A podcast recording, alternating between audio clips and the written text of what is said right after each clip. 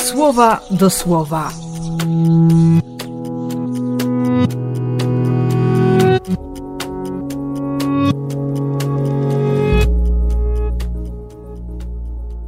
Dwudziesty szósty września, wtorek.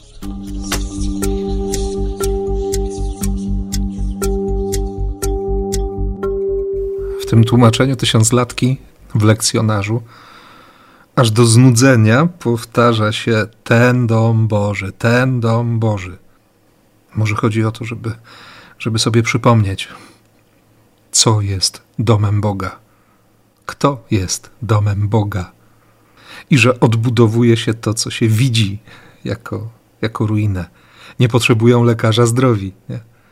No i pomysł Pana Boga, żeby sponsorowali świątynię w Jerozolimie wszyscy poganie, Oczywiście Żydzi też mieli się wziąć do roboty, ale, ale nie było ich stać na odbudowę tego domu pańskiego. Wszyscy, nie? Świat. Świat może mnie doprowadzić do ruiny, ale też świat może pomóc w odbudowie. Trzeba tylko dobrze patrzeć i, i wiedzieć, gdzie jest łaska. Nie stracić jej. Nie marnować łaski, która przychodzi z różnych stron nie zamykać się i widzieć tylko jeden kierunek. Jedynie słuszny, czy jedyny słuszny. Bo Jezus się rozgląda. Łukasz jest bardzo delikatny. Bliscy Jezusa przychodzą, chcą z nim mówić. Jezus odpowiada. Pozostali ewangeliści nie mają większych problemów, żeby, żeby zaznaczyć, że miała to być rozmowa wychowawcza, bo już bo już chodzą o Jezusie nieprzychylne opinie i zdania. Bo żarłok, bo pijak, bo postradał zmysły, bo opętany. Choć u Łukasza dopiero zacznie się ten czas potwierdzania słowa czynami. No ale przychodzą, przychodzą do Jezusa, chcą z nim rozmawiać.